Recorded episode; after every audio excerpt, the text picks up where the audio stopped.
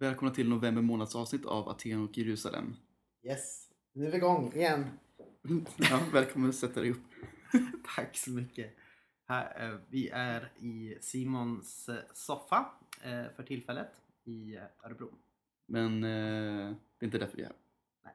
Nej men du har ju varit i, du var ju på höstmötet. Ja, i Bjärka-Säby. Nya slottet Bjärka-Säby så är det ju varje höst ett litet möte för unga vuxna som är över en helg. Eh, Då är det väldigt hög hipstertäthet på, eh, på eh, det slottet. Mycket unga. Väldigt, jag känner mig lite töntig när jag är där. Är det så? Ja, lite så. Jag har faktiskt aldrig varit där. Nej. Jag har velat åka, men eh, det har inte blivit av. Nej, nej precis. Det, det, är vä- väldigt kul. Det är vä- värt att åka dit. Och det är Mm. många intressanta samtal.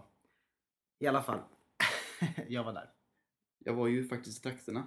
Du var det? Ja just det, du Jag- var i Linköping. Jag var i Linköping den helgen på vägen ner för att jobba ett slag. Men jag var och spelade fotboll med min systerdotter istället. Men det kan vara nog så mycket värt att göra sånt Ja, ja. ändå. Det hade jag inte bytt mot något.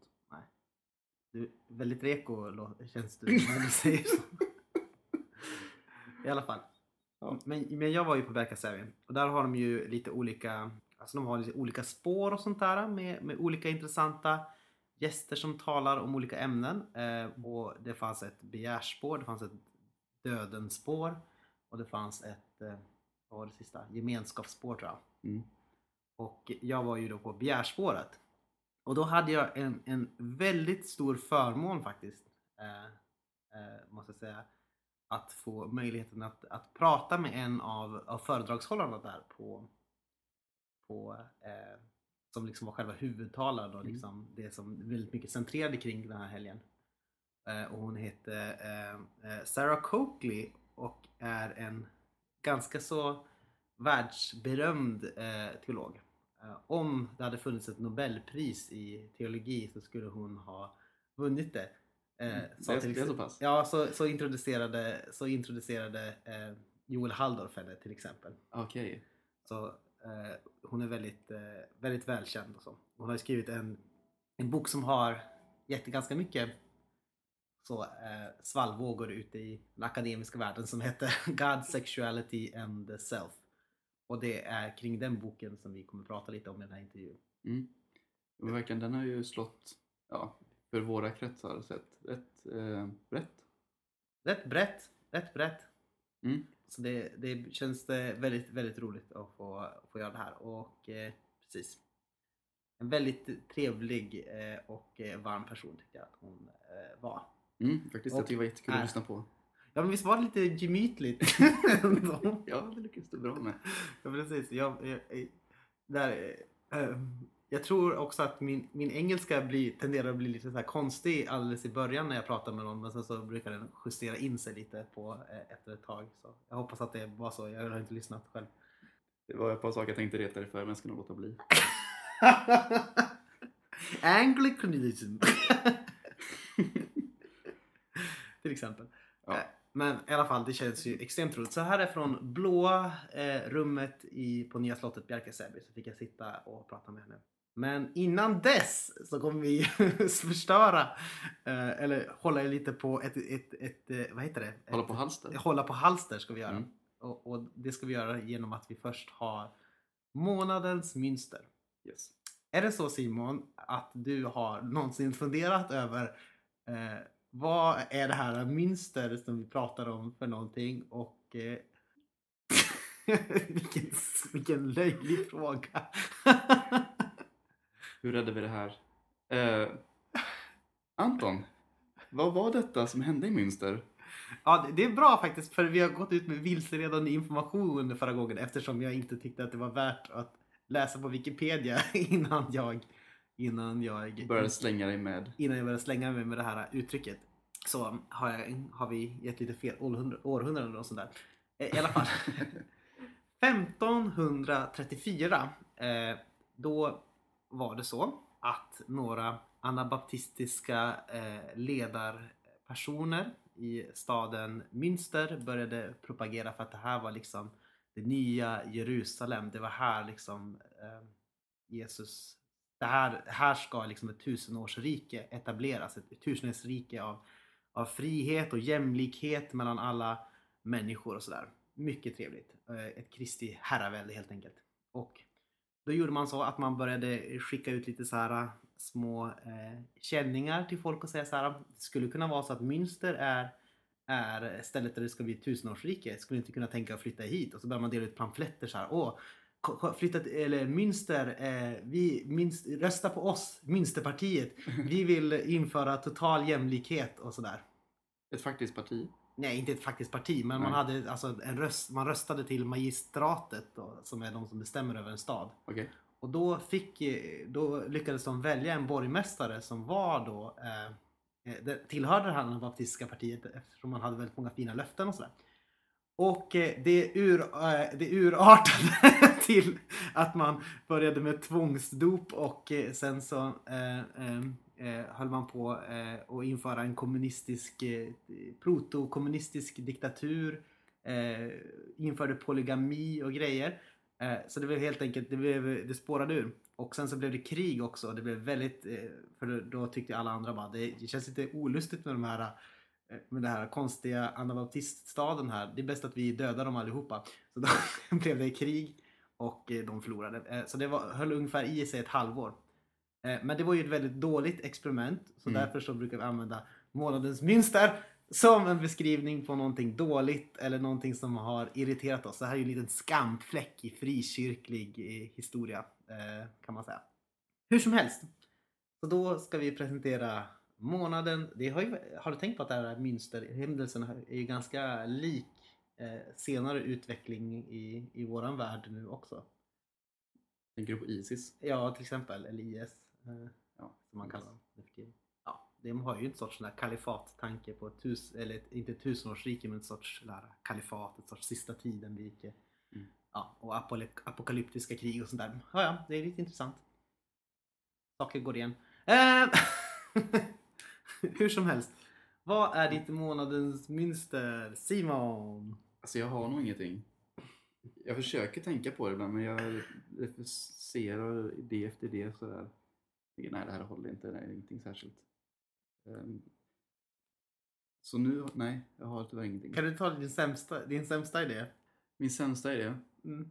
eh, det var nog att jag blev irriterad på reaktionerna på reaktionerna på när eh, efter att eh, Jimmy Åkesson skrivit på Facebook om, nu minns jag inte Ja, det var den bön, Ja, böngrejen. precis. Jag minns ju inte ordagrant vad han skrev nu i sitt inlägg, men, det, men han, eh, han skrev om att han hade upptäckt, tror jag, och lyssnat en hel del på, den här, på, en, eh, på en låt av Simon Ådahl Mm. som heter Be för Sverige, Ja. Bön för Sverige. Mm. Ehm, och ehm, han eh, citerade och refererade till den och sa, och eh, den har ju rader om liksom, det är något som har hänt i vårt kära fosterland. Mm. Och på det så följer reaktioner, dels från Simon, Å- Simon Ådahl själv, att han inte uppskattar att hans låt användes i de syftena eller, eller, att den, eller att den dök upp från det hållet. Och sen på det så fick det sen reaktioner från Världen idag typ. Ja, varje Lukas dag. Berggren. Eller, och där tänkte jag främst på, tänkte främst på Tommy Dahlman som skrev inblick Aha. om det här också. Om att han tyckte det var, jag vet inte, han skrev en krönika som handlade om att det är ju bra att folk ber. Mm. Och, Precis, och att då är det liksom på något sätt Alltså, åh, men alla, om någon annan partiledare skulle skriva att vi skulle be för Sverige, det skulle alla bli jätteglada. Varför vill man inte den där Jimmy säger det? ja, Typ. och då Lite tänker jag liksom, ja men han är inte som alla, alla andra partiledare heller. Nej.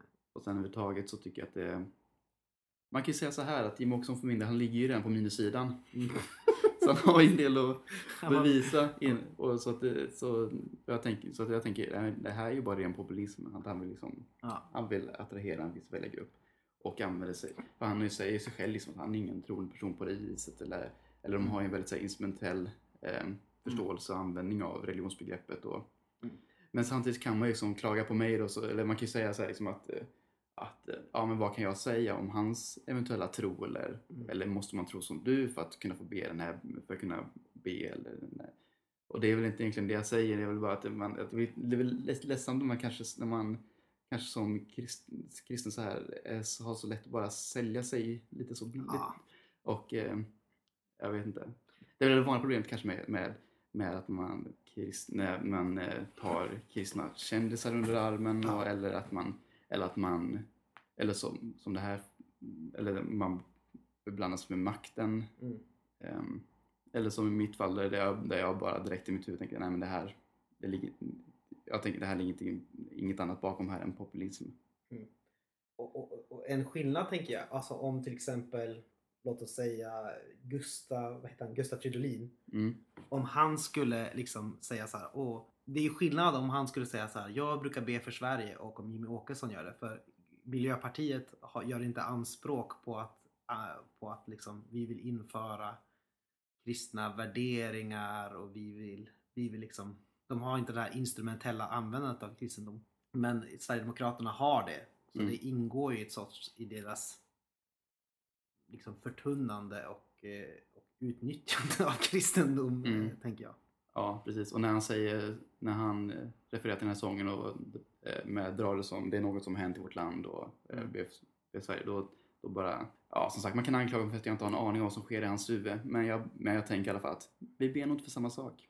Nej, nej Mm. men det, det är nog rimligt att tänka. Och så sen så, det är ju också intressant där, men äh, vad, ingen vet ju vad som händer mellan dig och Gud. Ja, men alltså, det är ju ett väldigt... Varför, varför ska man reducera kristen tro bara till en, Något som sker i huvudet. ja, en transaktion mellan dig och Gud? Det är Mm. väl mer om ett, liksom, att ingå i, i gemenskapen. Ja. Och att liksom, det är en väldigt tät grej att säga att kristen, kristen tro, tänker jag. Inte bara något sånt här tunt i huvudet.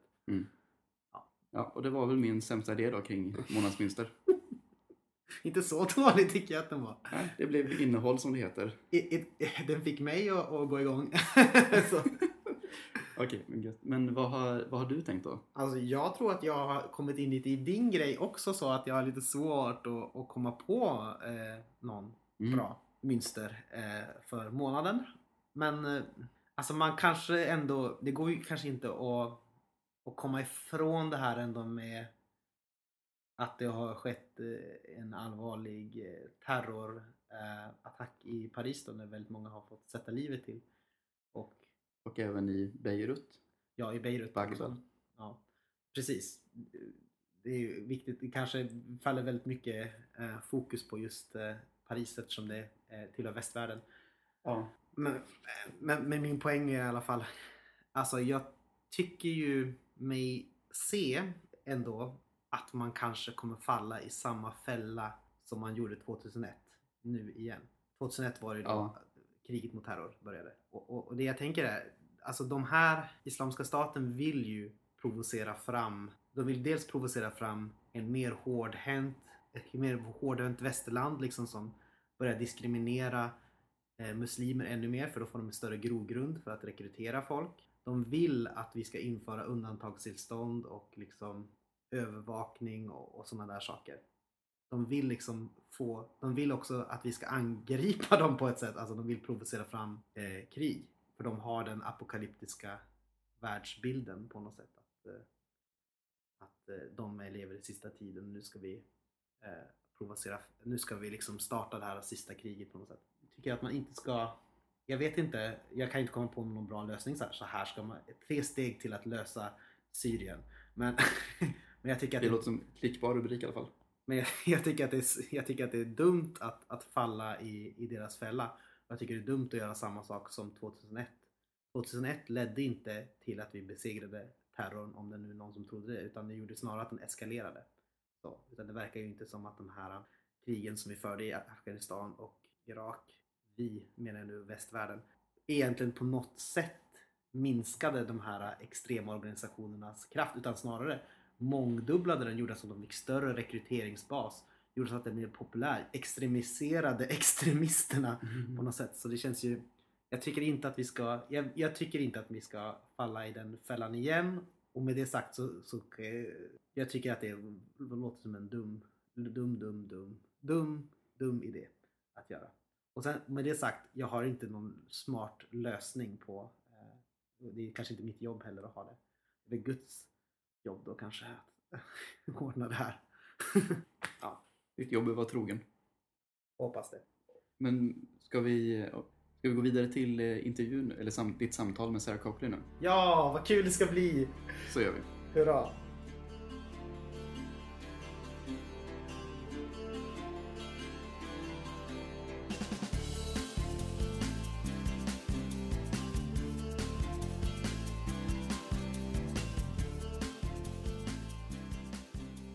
Is a tremendous honor, honor to um, talk to you, Professor Coakley. is that the correct uh, Oh, title? well, why don't you call me Sarah? I, I can try. I can try. But it's just, uh, you know, on Wikipedia, uh, it said that you, uh, I should address you as Reverend Doctor Professor or something like that. Don't you know about Wikipedia? That's all. That, that's. I mean, first of all, never believe anything you read in Wikipedia. Yeah, There's quite a lot of things in my article that are wrong, Mm-hmm, and I've tried to correct them. Uh, you're not allowed to correct them yourself, so I had somebody else correct them, Uh-huh. and then immediately it was put back again. Really? Yeah. Oh, So that's a bit of a warning about Wikipedia. there's someone who knows you better than you. Um, And also, the, the tones of address at the end are done in every article. Oh. So it's not that I want to be addressed like no, that. no. Um, it's the sort of um, conventional, formal forms of address, Yeah. which I suggest we ignore. I'll try. I'll try. so, for those who don't know you yet, Hmm. uh, who is Sarah Coakley? Well, she's not the person in Wikipedia. she was not born into a family of wealthy lawyers. um, that's a fantasy of somebody. Um, uh, I, I suppose that you could say um, I am a theologian by trade and a seeker for Christ by vocation. And um, I was born into um, an interesting uh, family in South London just after the Second World War. Um, certainly a very intellectual family, uh, not a particularly rich one, um, and had an upbringing surrounded by brothers with whom I argued day and night. Um, and I had a great longing to be a theologian from a very early age, round about 12, I think to remember. Um, and I didn't think that would be possible. But eventually I got to Cambridge University and was able to um, pursue the dream of being an academic theologian. Um, and only in my middle age did I become a priest. That was quite surprising. Um, I came out of an Anglo Catholic family. That means a family that is in the tradition of the Oxford movement within Anglicanism, that has quite a high liturgy, um, an interest in the significance of prayer, which has lasted, um, but a tendency to um, patriarchalism. And so the struggle with that has marked my theology as well. I became a priest in America rather to my own surprise when I was teaching in Harvard Divinity School, which is a rather secularized divinity school. That's a strange, um, paradoxical fact. Um, it's a divinity school that's had a bit of difficulty deciding what it's doing in Harvard, um, and it doesn't train many priests now, but that's what it was set up to do ecumenically. And there was such a longing in my students to see a professor who was also a hmm. minister that that's what finally brought me to seek ordination. Hmm. Okay. But the, the training I had to go through was so breaking and transformative that it made me a very different kind of theologian. Hmm. Um, and I think that's deeply reflected in the systematic theology I'm now writing. Yes.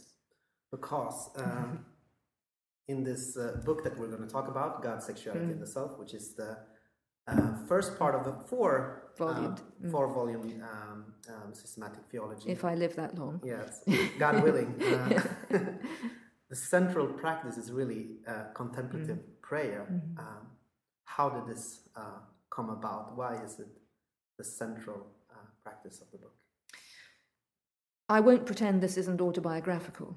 Um, I was drawn towards a simple form of prayer, not an elitist form of prayer, a simple form of prayer, of what is often called the practice of nakedness before God in my 20s.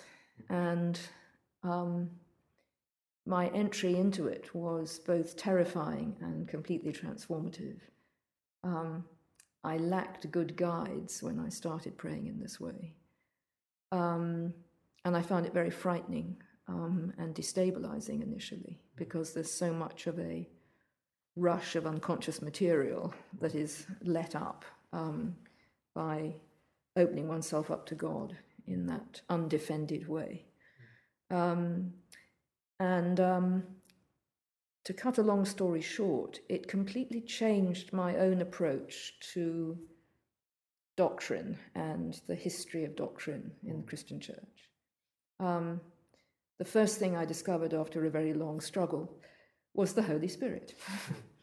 I think I had only notionally signed on to the Holy Spirit as, a, as, a, as an Anglo Catholic um, until this time. And to discover that prayer of this sort, which I think uh, is already adumbrated in, in the Epistle to the Romans, chapter 8, um, where Paul says we don't really know how to pray, but the Spirit prays in us.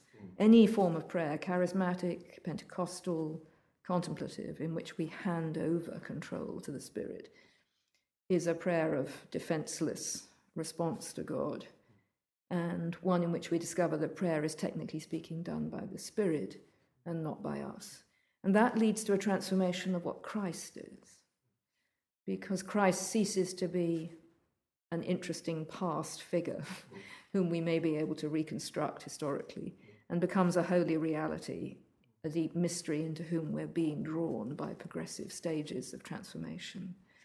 And it also causes us to think differently about the Father, um, as I think Jesus thought about the Father, not as a patriarchal threat, but as the deepest source of our own being, um, as Abba, as he called him. So once I, you see, I thought arrogantly that I had reinvented the Trinity. I thought, how brilliant. I didn't realize, of course, that this is a deep strand of tradition within Christianity, but it's always been a minority tradition. And there are reasons for that. Mm. And so, what I then felt called to do was to explore how differently the history of doctrine might look, mm. or a whole way of thinking about theology might look, mm. if this prayer that had completely changed my life mm. were um, thought through um, with all its implications moral, spiritual, doctrinal. Yeah. So this is an essay uh, on the Trinity. Mm. Um, and, and, you, you make a, pretty explicit claim that no uh, you know idea or conception of the Trinity is like is untainted mm. by mm. sexual, political, or mm. other power structural uh, overtones. So we're idolatrous people. Mm. Um, but this uh, contemplative prayer, uh, you call it a love affair with the mm. blank. Mm. Um, it is kind of like purging us, purging us yeah. from from idols, uh, mm. from our idols. Uh, what is it in contemplation you think that that purges us? Uh, um, is it? Can we arrive at a state when we can behold God more? Mm clearly through contemplation? Well, one of the things I want to underscore is that this approach changes our view about propositional mm. belief. Um, it doesn't obliterate the wisdom of the church in the doctrines that it's propounded, but it makes us aware that these are not items that we can control or mm. uh, constrain, and that our whole life of prayer is one in which we are on a journey. And we can't, therefore, be, ever be certain that we have grasped the truth correctly because there's always a new horizon. Mm. And um, the tradition has actually answered your question in different ways. Mm. Uh, there is no unified answer to this.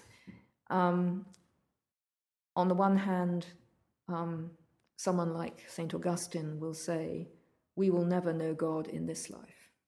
This life will always be a realm of tenebrae, of darkness, mm. and union with Christ will be in the next life.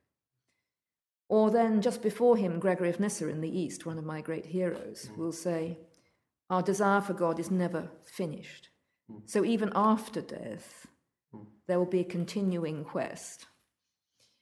But then the person I'm going to discuss most deeply in volume two of the systematics, John of the Cross, and his great friend Teresa in the 16th century, insist that yes, we can have union with Christ in this life. It is possible. We can actually be knit into the life of the Trinity in this mm. life. And this is where our prayer is going. And I think we have lost confidence in that possibility mm. in the church and that we need to revive it, not as an ambition, but as a hope. So I don't absolutely know, but I want to um, certainly uh, insist that we should aspire to this, and it may or may not happen to us in this earthly life, Yeah, but it's a possibility. it's a possibility. Yeah. Um, let's see, where are we going? Perhaps should we do the contemplation, uh, the Yes. and the secular reason? You think it does it? Sure. I mean, you, you asked me just now, and I didn't really answer. I ducked it. How does um, Yeah. um, how does contemplation How does the, purge? yeah, yeah? purge our reflections or our false desires. How does it change our reason? Mm, yeah. how does it change our reason? yeah. that's a, Um, I think this is quite hard to describe clearly because we are engaged in a process that, by definition, we don't completely understand because the mystery of the self is as deep as the mystery of God in whose image we are made. But um, I think one can, after a while, begin to see just in the way that um, one's vision is changed because it changes one's sensibilities, one's perceptions. Um, that the kind of analytic grasp that one aspires to um, in in secular reason, which is not wrong in itself, um, has to be transformed by a, an integration of other factors out of the self, um, including, of course, um, affective uh, sensibility. Um, I think it's possible to understand, even in secular terms, the difference between a kind of cold, icy rationality and the form of rationality which has integrated, purified passion into it, has ceased to be grasping, and has become open and um, porous to um, the divine life within the creation. So it's that kind of use of the rational that is both expanded by uh, other sources of the self and also expanding into God that I'm seeking to re explore. the steel cage becomes porous. uh, Yes, of- exactly. Uh, that's well put. Um, and uh, I'm not a hater of the Enlightenment, by the way. It's very, it's very popular to despise the Enlightenment, um, and often we assume that if we are to rescue pre-Enlightenment wisdom, then we have to decry the Enlightenment. I think we have a more difficult challenge on our hands mm-hmm. in the postmodern world, which is to sort even the good from the bad in the Enlightenment tradition. Mm. And to to see all the goods it has delivered, which mm. include, of course, the goods of modern democracy, mm. the goods of feminism, uh, the goods of equal rights, and also the fallibilities of that tradition. Um, so I don't start with the assumption that all Enlightenment rationality is um, defective. I think it's um, unfinished. it needs to expand Exactly. uh, beyond itself. Yes. So, um, a, a pretty central uh, argument in your book, I would say, uh, is that in theology there's been a lot of focus on the father-son relationship, uh, and uh, sometimes you have to hunt the pigeon. Uh, you can uh, you can't really find the spirit. Uh, why is the spirit so often sidelined and uh, forgotten? And what has this had to do with sexuality? Uh-huh. Just a few tiny questions you're asking. Yeah. Um, well, it took me quite a long time to see that the rediscovery of the power of the Holy Spirit in prayer had something to do with um, problems to do with gender and sexuality in the early church, as well as resolutions of political and ecclesiastical and structural arrangements. It's really worth looking at the earliest church to see how some of these issues are being played out early on. Because if you look at the circles in the earliest church in which the Holy Spirit is most appealed to, you'll see that even as early as the second century, the ecclesiastical authorities become nervous of people who appeal to the Spirit. And there are reasons for this. One is that such people like the Montanists, uh, you know about the, um, the Montanist movement Yes. in, in, in Macedonia in, in the second century, which then became a very interesting ascetic movement in North America, in North Africa in the third century, which Tertullian was engaged with. So it had a history, but it, it started by being a movement of spirit filled prophetesses um, who uh, thought that the era of revelation had not finished and that, the, uh, that Christ was going to come again um, and the end of time was coming in Pepuza, in uh, that center of the, of the universe. Um, now, you've got a cluster of issues there which the church at Rome found increasingly worrying. You've got followers of ad hoc leaders who are not legitimated by the church, threatening the, the more stable uh, institutional emerging structures at Rome.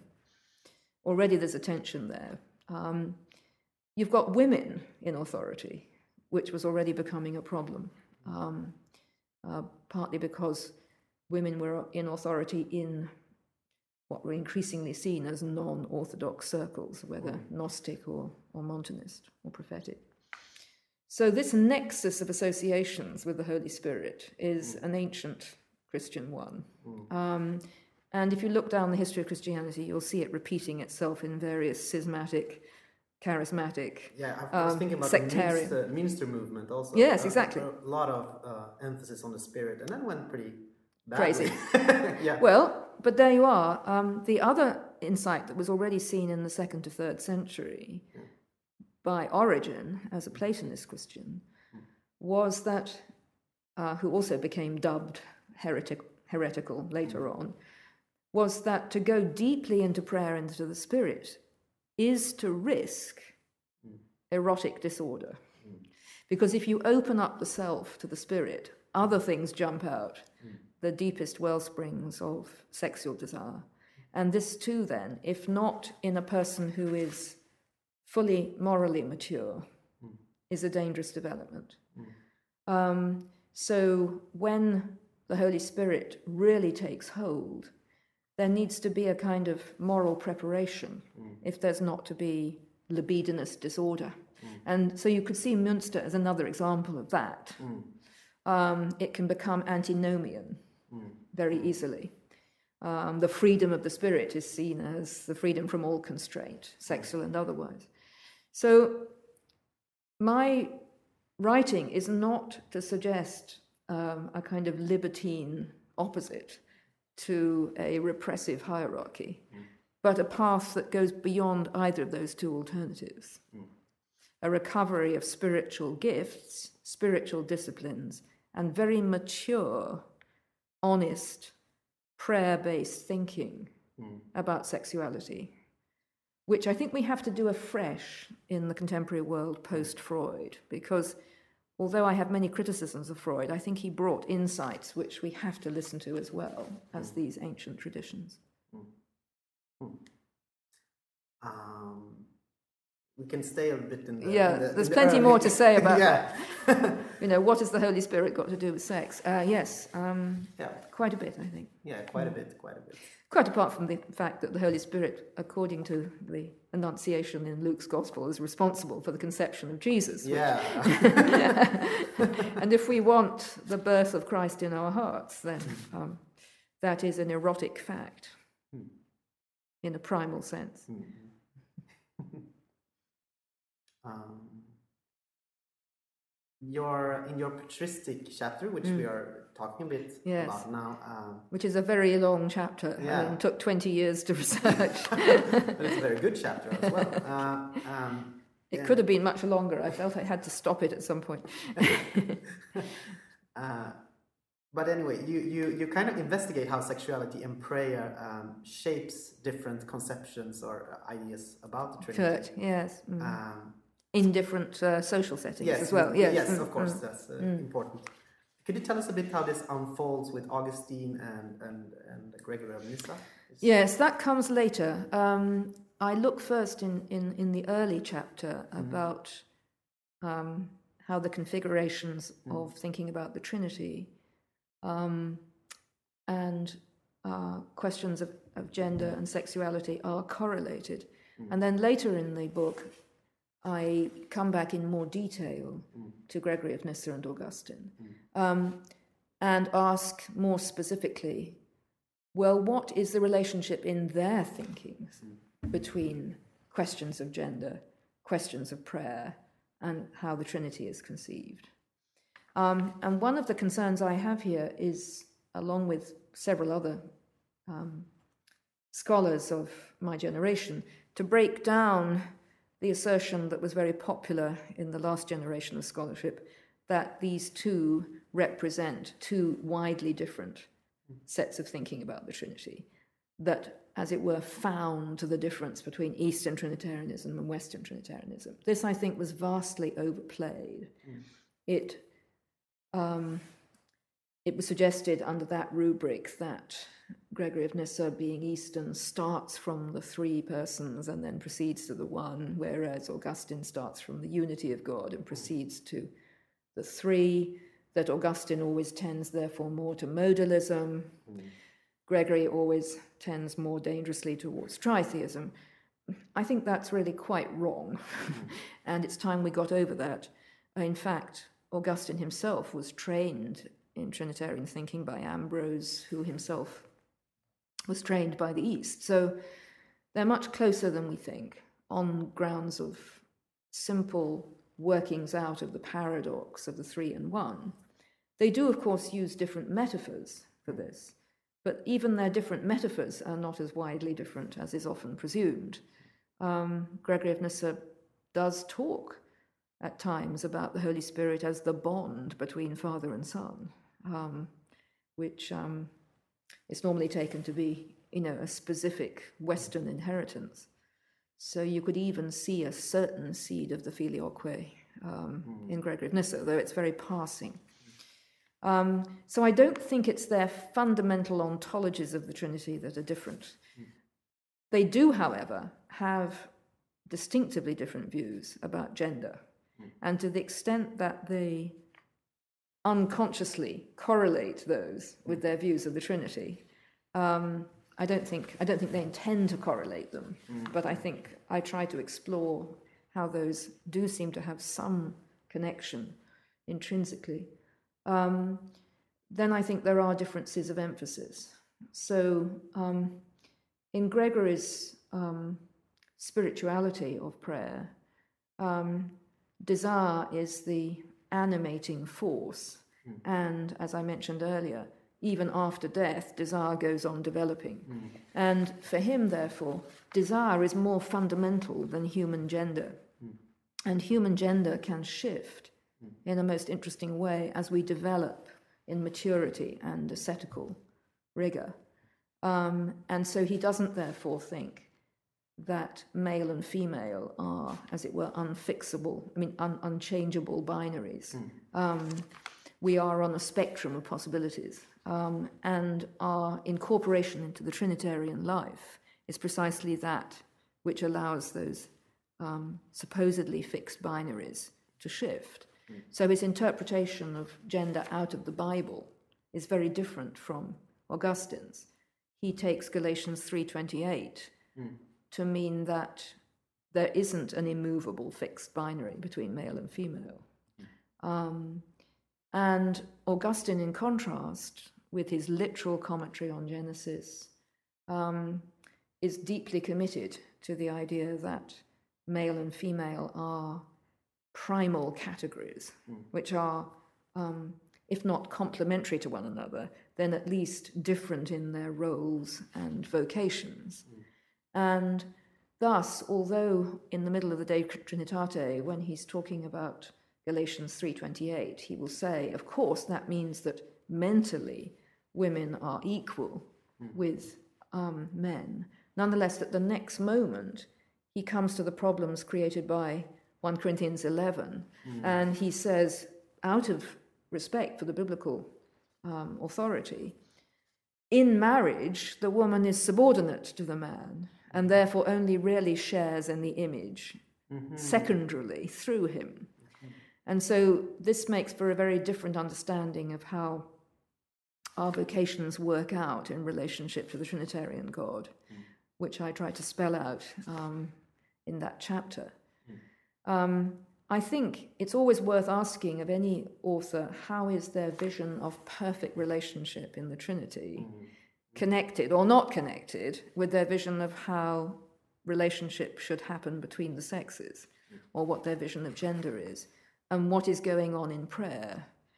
Um, and whereas um, Augustine thinks that in prayer we, we journey uh, through a darkness which will only become light and, um, and union in the, the next life.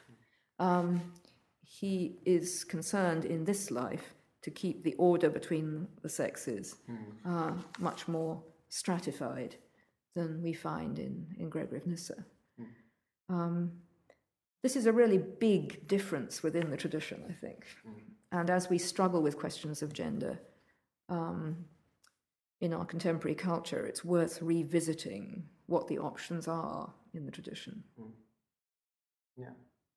You, you, you kind of connect this with uh, Augustine having some um, Unhappy relationships. unhappy relationships and uh, Gregory having some uh, quite happy. Well, as far as we know, Gregory, well, we know Gregory was married in his young life, um, that he greatly admired his elder siblings, Basil and Macrina, who were celibate. Um, we know then that his wife died at some point, we don't know in what circumstances, and that he later became an ascetic himself. So his trajectory through life was one in which um, sexual relations were not problematic for him in his youth. He married, right? Um, and then he went on to theorize about gender in a way that had that experience behind it. He still admired celibacy and he became a celibate, but in his text, De Virginitate, he makes it clear that good marriage and good celibacy are almost on a par with one another. Celibacy is slightly better, slightly more meritorious, but they're both engaged in the same project of the purification of desire towards God. Whereas for Augustine, his utterly problematic and destructive relations, hmm. including the birth of an illegitimate hmm. son to a woman he never even names, hmm. was then um, transformed by a complete commitment to celibacy thereafter. Mm. And you feel that this problem, unresolved tension, sort of mm. hangs over his theology of sexuality. Mm. At the same time, he has an extremely important critique of the danger of male sexuality for women, um, the danger of rape, the danger of violence, which I, I think he's not a. Many feminists just make fun of Augustine and see him as the enemy. I don't, I don't in that respect at all. I think he's very insightful uh, about the, the dangers of dark male sexuality, which he knew in himself. Maybe we should skip the iconographical question. Yes, I don't know what to tell you about kitsch, except, Ah, that, yeah. except that, like you, I'm against it. Uh, um, in fact, I've never been able to quite understand why f- people find it I, attractive. Actually, I just maybe they don't. nuance free, I Mm. guess. Yeah. Um, I mean, I, I think that is one of the one of the things that it, it- it's often based on a kind of false sentimentality. I think, Mm, um, but aesthetic judgments are so personal that Yeah, yeah, I don't yeah. want to sound condescending. Um, that might be so we might skip it Yeah. for that reason Yeah. Mm. also. We don't want you to come off as condescending. I don't wish to be so. Um, but it's interest, interesting in the in the sense that you know you, you talk about this repression, Mm, you know, and in the free uh, maybe we maybe this would stay. I don't know. Uh, We have this repression of, of the image, Mm. Yes, perhaps, yeah. and then it's and then when it resurfaces. when it resurfaces, it, it often comes out in an immature Yeah. and, and sentimentalized form. yes, Yeah. So that may be if I was being, Yeah. you know, psychoanalytic here. yeah, I think that that may be the case. Um, uh, but it, it does take a training of the eye, doesn't it, to to to sense, intuit where true feeling has been expressed. Because sometimes art that's not kitschy is very demonic and disturbing. Um, so there can be opposites here which are equally distasteful. Mm, yeah, that's true. But there can also can be artistic forms that are always also, almost sterile because they are so conformist. Um, and it's very difficult, I think, unless you point to a living example or hmm. to, to, to, to give examples of art of the Trinity that works. That's why I did that chapter on, hmm. on art uh, of the Trinity because it's really revealing hmm. to look at to look at Trinitarian images that immediately impact you with a very powerful transformative effect, and those which domesticate, um, undermine, sentimentalize, Mm-hmm. feminize in the false sense the spirit. I, I wanted to illustrate that visually, and I didn't think I could do it so well in words. Hmm. But this was pretty good. I, I, we'll see if we can keep some of this. Yes, might, I mean, you, you uh, almost need to look at the pictures, but I, I'm so glad that you liked that because I took a great risk in that chapter, realizing that if I was going to do proper scholarly treatment of each of these images, mm. it would be a whole book. Mm. Um, and so some people have criticized me for not giving enough information about each of the pictures, which I could have done, but I wanted it to be more like a picture gallery that would have a semiotic effect and give rise to thought. I especially I like the the one with the um, with um, uh, Christ, um, you know, the Father with the sword. And, Oh, yes, yeah. And the, the He's- Mary, yeah. Mary exposing her breast. Yes, and, uh, Jesus' side. It's pretty. Uh, That's from Augsburg, yeah. yeah, i i- you can tell. Um, but the father's waving his sword. I mean, it, it, it's it's it's a it's a picture I sometimes show people in class and say, "Now this is why the Reformation was necessary." Just look at this. Maybe we. Okay, we jump, yeah. We'll jump. Um, maybe we can ta- take the desire question and then Hmm. jump down to the um, the naming of God questions. Would that be Mm-hmm, Yeah, fair? sure. Mhm.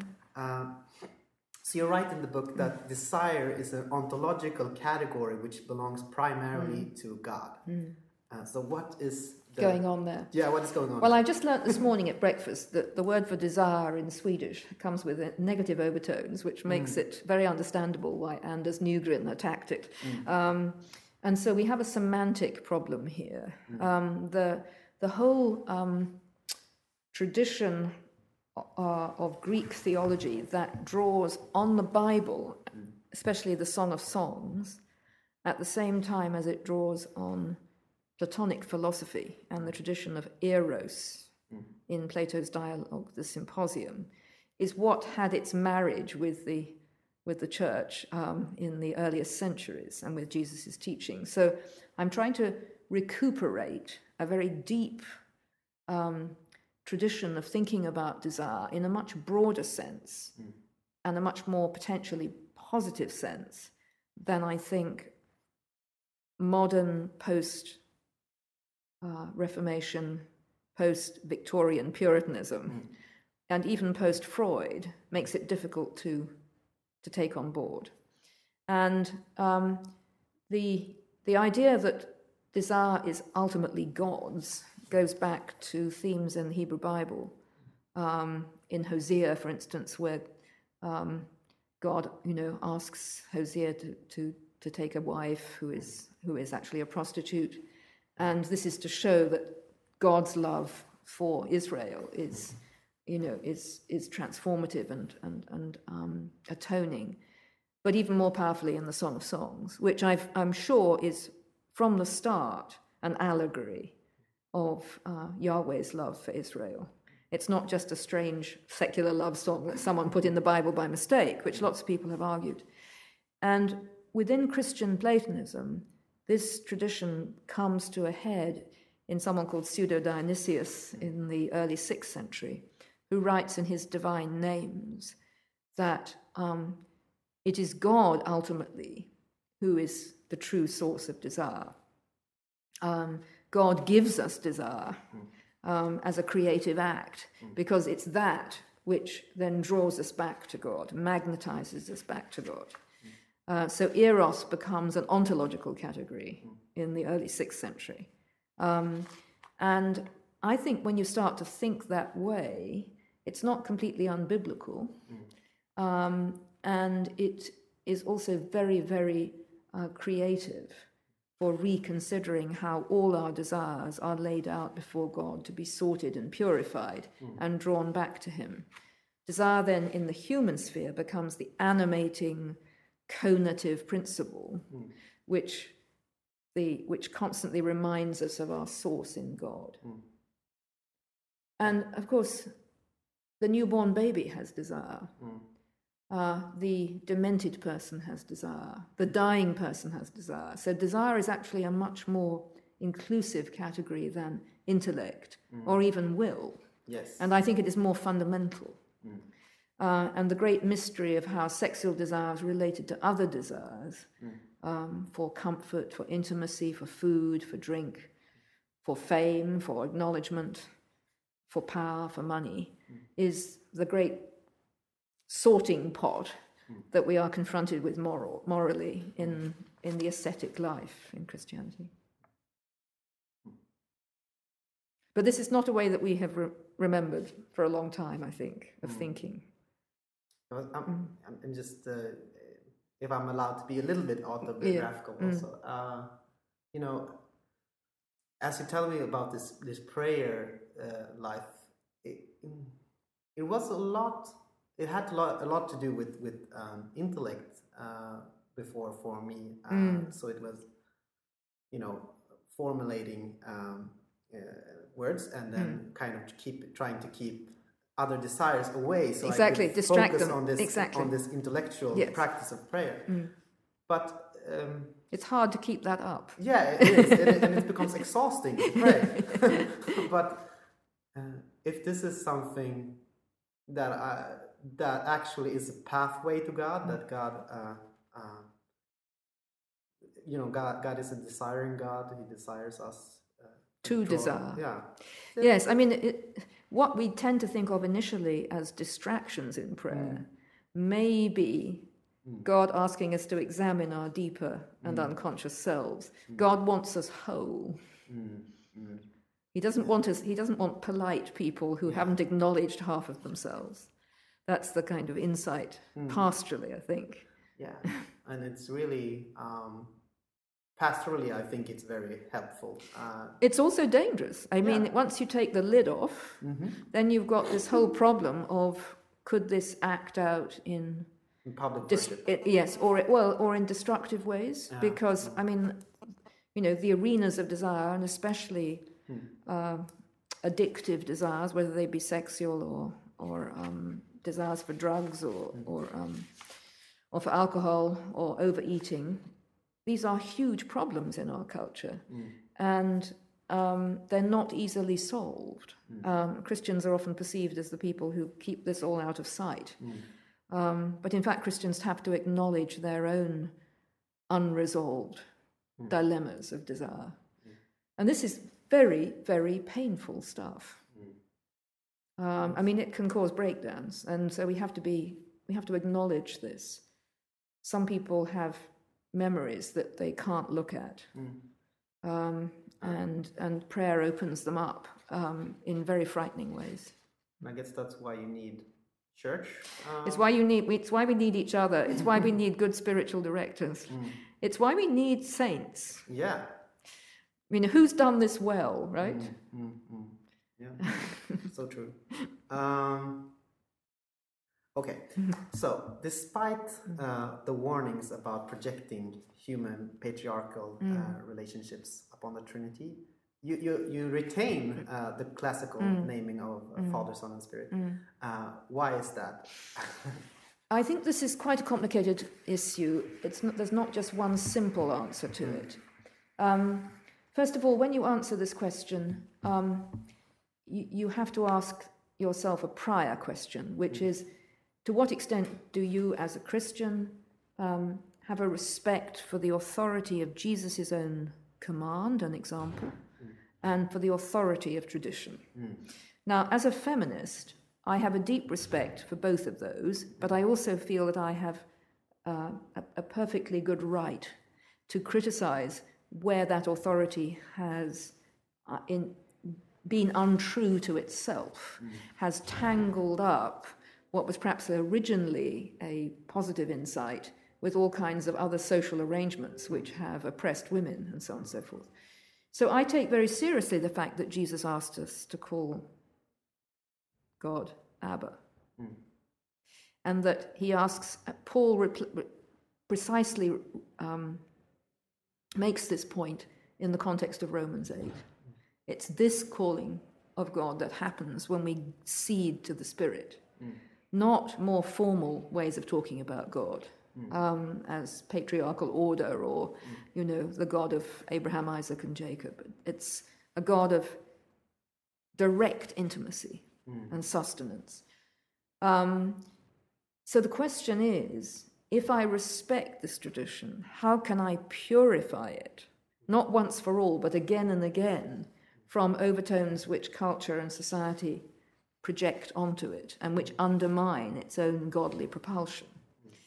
And I think I can do that in several ways. I can respect the tradition, but I also respect those moments in the tradition when the mystics and others have come up with corrections that are um, reminders that we shouldn't stabilize this language hmm. into patriarchalism. So when when Ju- Julian of Norwich calls Jesus our mother, hmm. she's doing that. When Gregory of Nyssa says, you can just as well call the father the mother, hmm. in the sense that he, she is the ultimate source of our being, as long as you're aware of doing that metaphorically. Um, so we can we can play really interesting poetic hmm. games, which just remind us not to settle into worldly patriarchalism. Hmm. But the ultimate purification of this away from false attributes is, I think, the repeated practice of prayer, hmm. which should not be a restabilization of patriarchal authority, but precisely the means of undoing it. Um, this prayer, when it goes right, actually causes in people the courage to resist oppression. It doesn't reinscribe oppression. And people are very nervous about my teaching about contemplation. They think it's just an acceptance of obedience, passivity, hmm. femininity. But it's hmm. quite the opposite, actually, when rightly understood. Yeah. Spiritual warfare is as brutal as any physical, as someone said. I Actually, actually, actually, it is, and mm. it also never comes to an end. Mm. We're, we're never going to fix this once for all mm. simply by painting out the name Father. That will just send the problem underground. As with uh, art, which Exactly. we mentioned a little bit. Exactly. Yeah. But I think the art is a particularly good way of showing how transformations can occur which destabilize mm-hmm. worldly views of gender. Mm-hmm. That's why I call upon it um, very suggestively, I hope, in the book. Mm-hmm. But I insist that patriarchalism has to be slain, as I put it, on our knees. We slay it on our knees and then we slay it in the world. If we try and slay it in the world without slaying it on our knees, we'll just replace it with another form of idolatry. Very good. The cutting down uh, of size, ontological size. Yes. thi- I think you call it. Yes, Uh, that's right. Yeah. Okay. Uh, now the two final questions. Mm. We'll try to do it quickly. Yes. Um, so this: Who is Jesus Christ? not. You always ask the people that Jesus Christ is the mysterious light and uh, life of my world. Um, Jesus Christ walked about in Palestine um, and um, beckons, continues to beckon us through his death and resurrection into new life. I will not know fully who he is until I'm in union with him, and that's what animates my life. Which we will aspire to, To even even now. in this life. Yeah. uh, so, and the final one, and we'll try. Okay. Do you have any suggestions about uh, who we should interview in this podcast? Oh my goodness. Um, uh,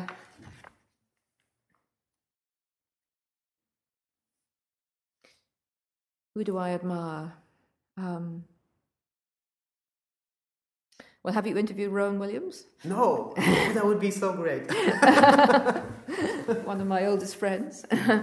um, um, that's certainly one idea. Um, but I think you should continue to look for writers younger than me um, who are um, uh, just pushing at the edges um, of uh, reflection. Um, I mean, if if you want me to after this put you on to a few people who are not not so well known, who have not yet been published, who I think you would find interesting. Um, if you want to explore the gay issue, I could put you on to a number of really fascinating transgendered and gay people who I think are very, very deep spiritual presences and are beginning to write on these problems in the churches. Um, that would be cutting edge. yeah, seems interesting. Thank you very much. Thank you. Very I may think of some more.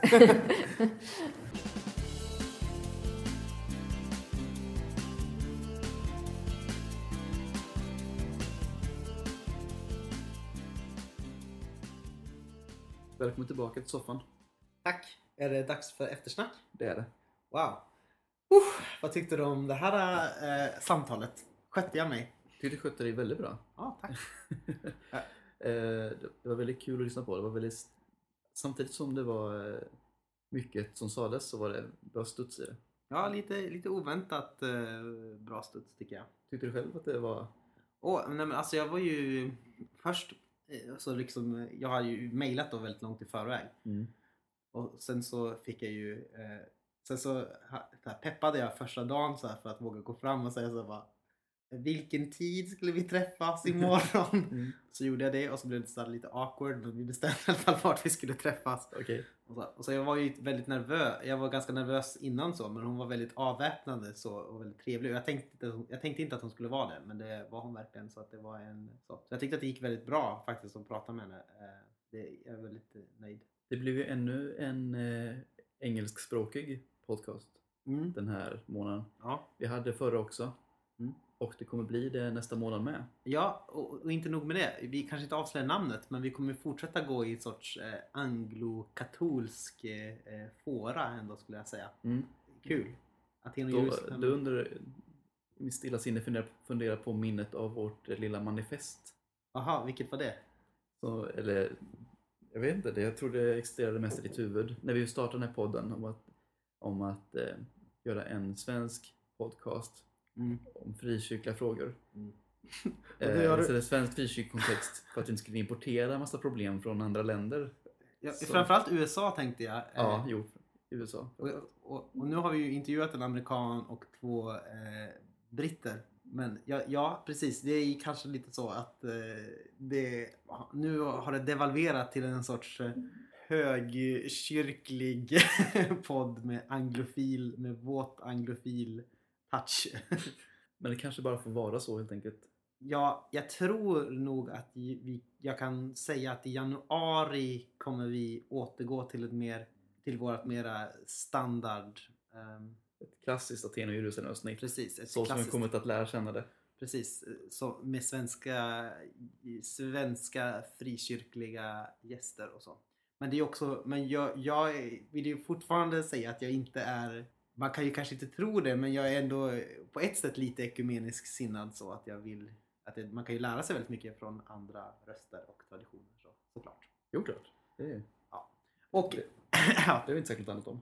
precis. Och, eh, men i alla fall, det här med, med Sarah Coakley. Jag rekommenderar faktiskt väldigt mycket att läsa hennes bok om ni inte har gjort det och om ni kanske har intresse för de här sorters frågor om treenighet och eh, feminism och teologisk metod.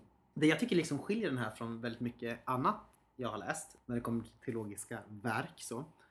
Det är att den är, det känns nästan att den är lite så här bädd fram. Det är lite som en, som en andlig, andlig läsning. Lite. Ungefär som när man läser kanske kyrkofäderna ut, utan vidare jämförelse. Ja. Alltså att det på något sätt känns att det här är någonting som har fötts fram lite i bön. På ett sätt. Och det tycker jag faktiskt att man gör även om det här är liksom en bok som är ändå ganska it's a, den, är, den är, kan vara ganska liksom kompakt vid vissa ställen och ganska så liksom utmanande för ens eh, tankar. Så. så det känns ändå verkligen att det här är någonting som har blivit gjort i bön, tycker jag.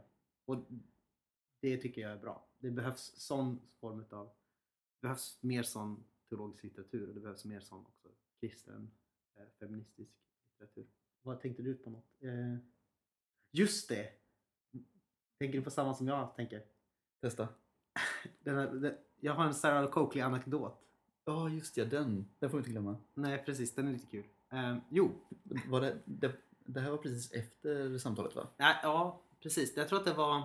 Jag hann inte... Vi, vi, det var så att eh, hon var tvungen att rusa för att det skulle vara bön, eh, eh, middagsbön. Ja, ja. Mm. Och eh, jag, jag, jag tänkte att jag ville ha ett kort på, på henne så att jag kunde visa er eh, lyssnare. Ytterligare ett, ett bevis på att det faktiskt hände. det är faktiskt inte- inte bara att jag, att jag klipper in olika svar som hon heter andra tillfällen och ställer egna frågor till. Eh, Det skulle varit kul. Eh, Men i alla fall. eh, Så jag, jag frågade dagen efteråt så bara, skulle vi kunna ta ett kort? Och min kära vän Johan Bruneskog sa jag kan gärna ta, hjälpa er att ta eh, kortet. Mm. Och då gick vi så här och försökte hitta ett bra ställe. Det är väldigt mörkt i Nya slottet. Så det, när, när, det är liksom, lamporna är inte så starka. Eh, så vi letade efter något bra ställe och så ställde vi oss framför typ en ljuskrona. Hon bara Oh, this might give us delusions of grandeur. och så jag skrattade och bara ha. Och så var det lite så här roligt skämtsamt eh, eh, tillfälle. Och sen så eh, såg vi ett bra ställe där man skulle kunna stå. Och då är, hänger ett litet porträtt där, det kommer ni se om ni ser bilden. Mm. På en, en pojke som heter Konrad och han är iförd typ en så här, någon sorts klänning eller så. Och då sa jag så här, oh, we can stand here in front of this gender binary defying boy. och det var ju ett litet eh, försök till att skämta från min sida. Mm. Och det föll så här, väldigt, platt. Så, så det blev så här tyst en stund. Och så. Did you know? Det här är alltså Sarah Coakley som pratar. Did you know that back then all boys were, were dressed in dresses until the uh, age of five or six. They didn't categorize them as boys or girl, just children. Och jag lite skamligt sa oh okay I didn't know. och så, sen så tog vi kort. Jättefint. Ganska kul. Yes. Och den här bilden, om ni inte redan sett den, den kommer ju finnas med på Facebook åtminstone. Mm. Och Twitter. Och då kan ni se liksom hur besvärad eh, Sarah ser ut av mina sissiga skämt. Yes. Eh, ja, Till sist är det två saker att påa då. ja, En är ju att vi kommer nog försöka oss på en så kallad Kickstarter-kampanj Mm. för att eh, ja, finansiera den här podcasten helt enkelt. Mm. Vi gör den med stor glädje, men eh, det går ju åt lite pengar. Det ska ju resas och vi har investerat ny utrustning Mm. så att vi ska kunna göra en ännu bättre produkt. Och också att vi skulle vilja ibland eh, kanske kunna släppa fler tillfällen och det tillåter inte våran podcastleverantör, eller vad säger man? Ja. Hosting site. Om man inte betalar lite mer. Ja precis, vi behöver ett annat abonnemang. Så kort sagt, vi kommer väl lansera en, en, en liten kampanj där den som vill kan eh, donera valfri summa för att hjälpa oss att nå vårt mål. Så om du någonsin har lyssnat på den här podcasten och haft eh, behållning av det Time to pay up. Nej, utan då- får du och eh, vill gärna stötta oss så så är det otroligt välkommet. Vill du fortsätta lyssna som du har gjort så är det precis lika välkommet. Men då tycker vi att du, då skulle du kunna gilla oss på Facebook istället som kompensation. Eller följa oss på Twitter. Eller skriva en recension på iTunes. Ja, vi, vi, det, vi kommer gå igenom detaljerna noggrannare i den kampanjsidan. Ja. Så, där kan ju, så om ni följer oss på olika flöden och eh, sociala medier så kommer ni kunna se vart, hur. Gick upp på när. Facebook, Twitter och allt det där och vi kommer ha en länk också till det i avsnittsbeskrivningen. Yes, we will! Och andra grejen var ju att ni gärna får eh, följa oss på våra olika ställen på nätet. Gilla oss på Facebook, följ oss på Twitter, dela och tipsa gärna om avsnitten ifall ni var något särskilt tyckte om. Och det var redan sagt. Så med de orden avslutar vi det här avsnittet. Tack!